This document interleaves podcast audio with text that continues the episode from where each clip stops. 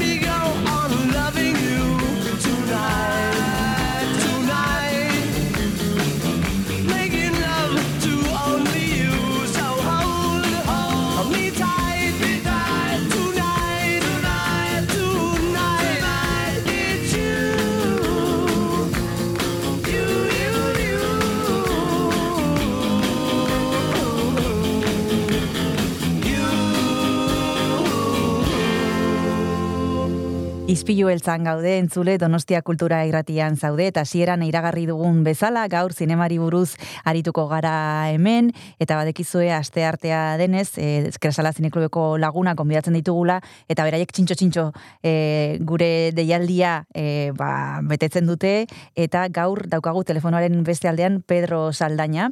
Eh, Abrazame fuerte pelikularen inguruan ari garaitze egiten badekizue pelikula eh, pelikulak argia ikusi zuela duela bi urte 2021 bat garren urtean, frantziakoa da, eta zuzendaria eta gidoigilea kasu hontan Mateo Amalric eh, da.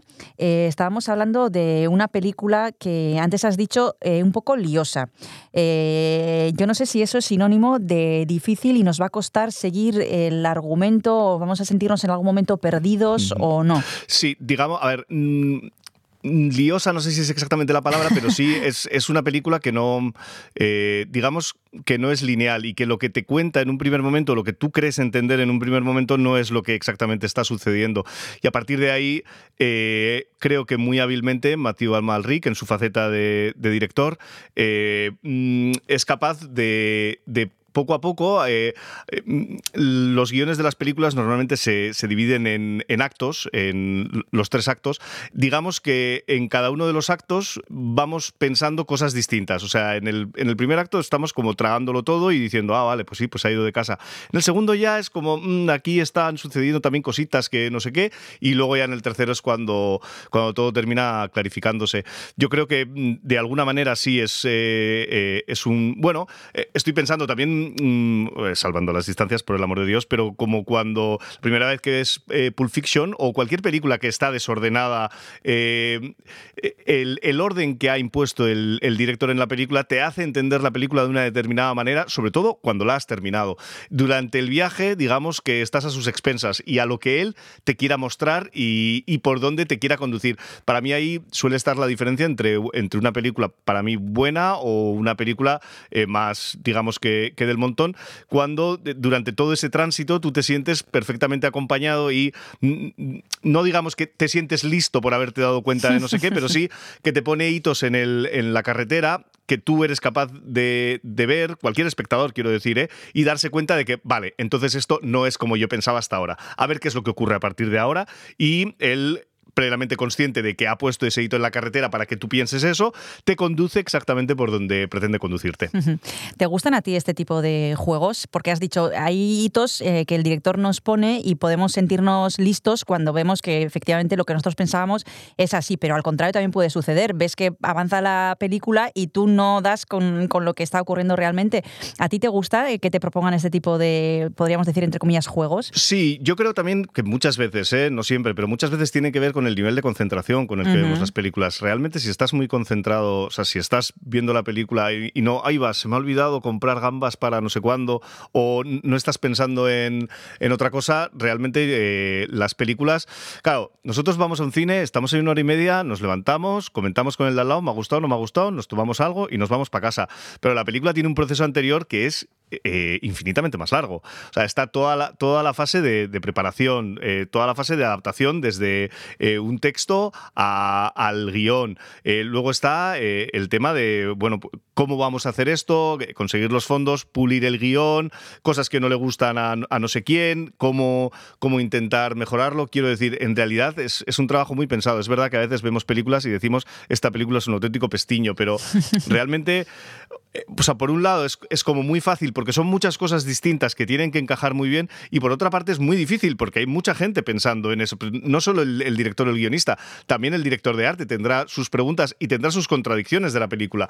Igual dice, pues aquí eh, no puede llevar esto o, no le pega esto a este personaje o quiero decir, cada uno de los departamentos también, la luz, por ejemplo, súper importante, o, o, él o la script que, que se encarga de, de la continuidad. En esta película, por ejemplo, tiene mucho que decir, sobre todo en películas en las que, digamos que eh, los protagonistas, o sea, hay lapsos de tiempo, eh, hay, elipsis dentro, dentro de la película, pasa el tiempo a ver eh, qué es lo que ocurre, cómo lo entendemos, cómo tiene el pelo, lo tiene distinto, se viste de la misma manera, ha cambiado ella, ha cambiado ella de la secuencia anterior, que la veíamos no sé cómo, entonces quizás ha pasado el tiempo, vamos a ver qué es lo que ha ocurrido durante todo ese tiempo, el, director nos lo contará, normalmente todo se suele contar, entonces Bueno, en ese sentido es, o sea, puede, puede ser una película eh, o, cualquiera eh, de, de- de este tipo de películas. Puede ser una película un poco liosa, puede ser algo, un artefacto en el que entras y digamos que, te fascina, que vas recorriendo los pasillos como, como una rata en un laberinto, ¿sabes? Pero digamos que eh, el director te pone como un, camino para, para, para que tú sigas y tú más o menos lo sigues. Luego también es verdad que hay directores a los que les gustan los finales eh, más abiertos, los finales menos abiertos, etcétera. Eh, pero, pero normalmente hay, un itinerario que seguir y lo más normal es eh, que el espectador, bueno, pues lo siga, lo siga más o menos para entender lo que el director quiere que entienda. Eh, hemos citado antes que, bueno, has citado tú antes que la película está basada en una obra de teatro y de hecho en los eh, premios César del 21 eh, fue eh, nominada a Mejor Guión Adaptado junto con la nominación que tuvo también la, la actriz eh, Vicky Krieps. Eh, ¿Qué nos puedes decir de las interpretaciones en esta película? Bueno, sí, para mí ella está espectacular. Ella es una actriz, bueno, eh, que se dio a conocer con, bueno, con películas como El Hilo Invisible. Eh, es una actriz, bueno, que no... eh, tiempo también, más recientemente, la de M. Night eh, que yo la pude ver, es la, la mujer de Gael García Bernal. Eh, tiene una serie de películas que, bueno, que son bastante interesantes y por lo que cuenta el propio Mateo Amalric, que también es actor y tiene una carrera, de hecho, como actor bastante interesante, eh, él, él dice que, bueno, que desde el primer momento hubo, una conexión instantánea entre ellos, que a él le gustaba mucho el trabajo de ella en El Hilo Invisible y que trabajar con ella fue muy fácil, incluso también menciona que, durante el, hecho de que el impasse de la pandemia que les debió eh, pillar montando la película, le vino bien para poder hacer muchas pruebas. Porque claro, también a veces, quiero decir, si pruebas algo arriesgado, lo suyo es probarlo varias veces. O sea, probar varias cosas y ver cuál de esas es la que realmente a ti te, digamos, que, te transmite y que luego tú quieres transmitir al espectador.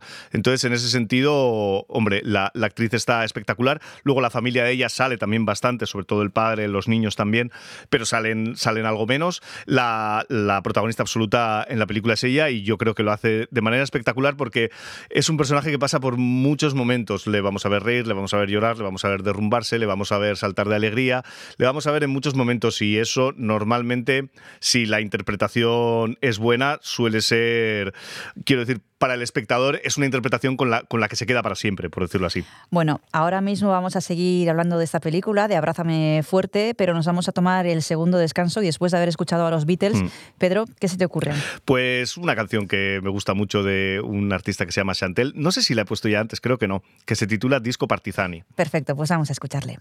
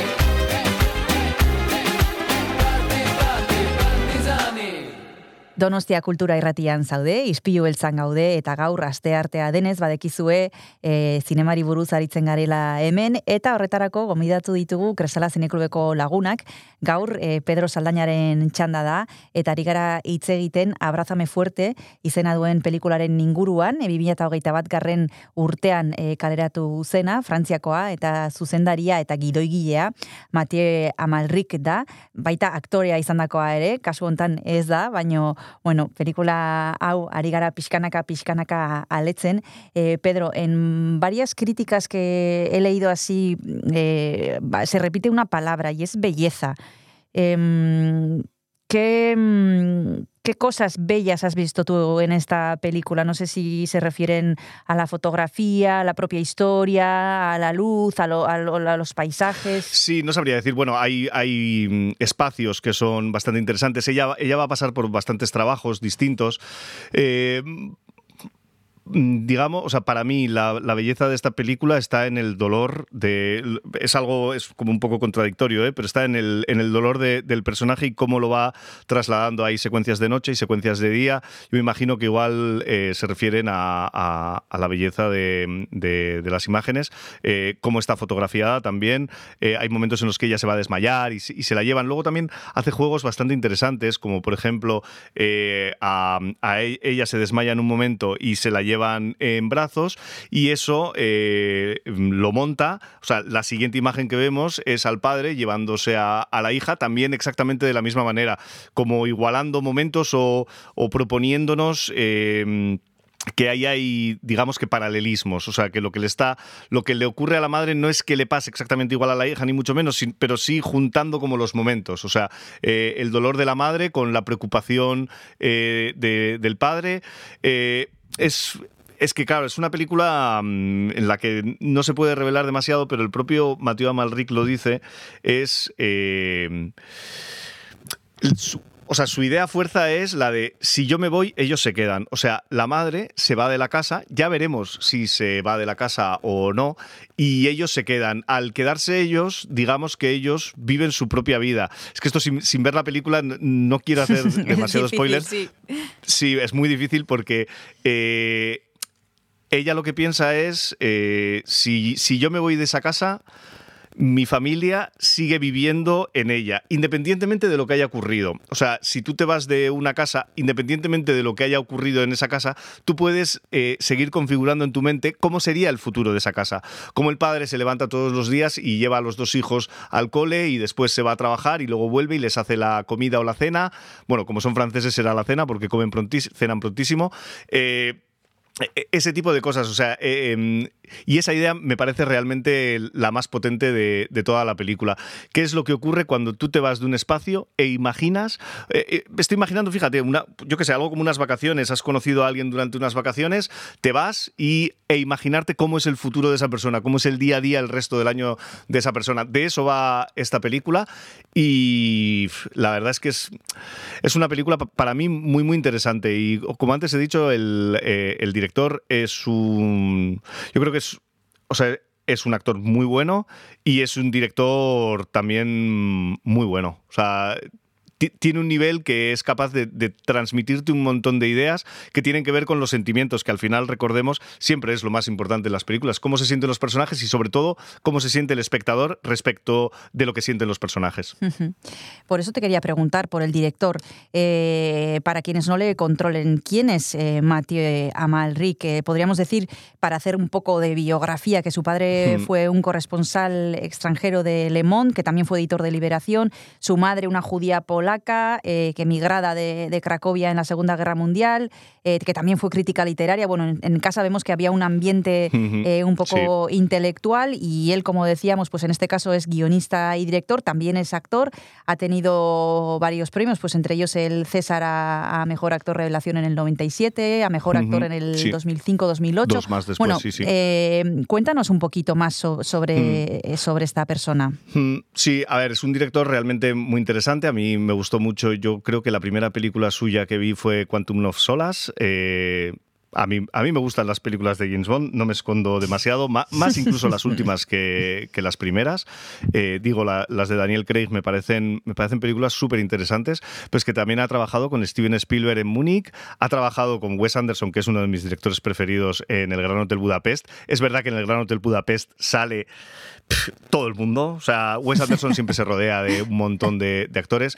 Y luego, si no recuerdo mal, una de las películas por la que les- le dieron el César, El escafandra y la mariposa, eh, realmente realmente es, es un, es un actor muy versátil, muy, tiene una cara también muy especial, digamos. O sea, yo no diría exactamente que es un galán, pero sí que tiene como una mirada cautivadora y da, da como un poco de, de miedo en, en algunos momentos. Por ejemplo, en, en la de Quantum of Solas se, se aprovecha bien este perfil que tiene cara como un poco de, de pérfido, de malvado y realmente eh, es un actor in- incontestable y yo quiero ver la, su película anterior, Bárbara, porque he leído algunas cosas de ella y es una película que mm, me parece muy muy interesante y que me da que de alguna manera va a estar emparentada. También muchas veces hemos hablado cómo los directores normalmente buscan los temas que le mm, interesan a él a través de una historia que contar. O sea, la historia puede ser la que quieras. Eh, pues la- las vacaciones de no sé quién, o un viaje, o, la vida anodina de alguien en una aldea.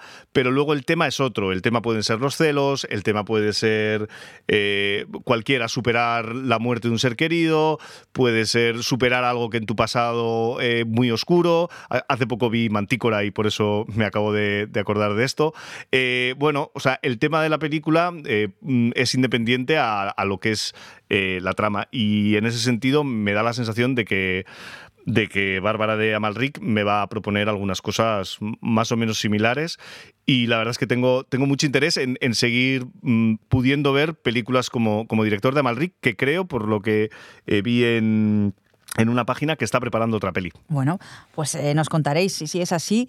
De momento nosotros lo que podemos hacer es eh, recomendar este Abrázame fuerte, esta película de Mathieu Amalric que van a proyectar nuestros amigos del Cine Club Cresala esta tarde en los cines Trueba, como siempre, a las siete y media, ¿no, Pedro? Eso es. a las siete y media esta tarde en los cines Trueba. Tendremos ocasión de ver esta película y también vamos a recordar que después de la película siempre hay ocasión de charlar y de compartir impresiones, que eso suele ser muy interesante. No sé si lo más interesante, Sí. pero muy interesante. Así que En esta peli pueda- seguro. En esta peli seguro. Eh, siempre lo es, pero en esta más porque ya nos ha dejado caer Pedro que tiene, bueno, que nos va a ir proponiendo un juego y que tendremos que estar muy, muy, muy conscientes de, de- de- de qué nos quiere decir el director y a ver si somos capaces de, de desentrañar, eh, bueno, pues lo que, lo que nos propone. Pues como decíamos, esta tarde a las siete y media, abrázame fuerte. Muchas gracias, Pedro Saldaña, por haberte acercado a Ispillo Belza y hasta la próxima. Mía Esker. Muchas gracias a vosotros. Hasta la próxima. Agur. Agur. Eskama kentzen. Kresala zineklubaren atala.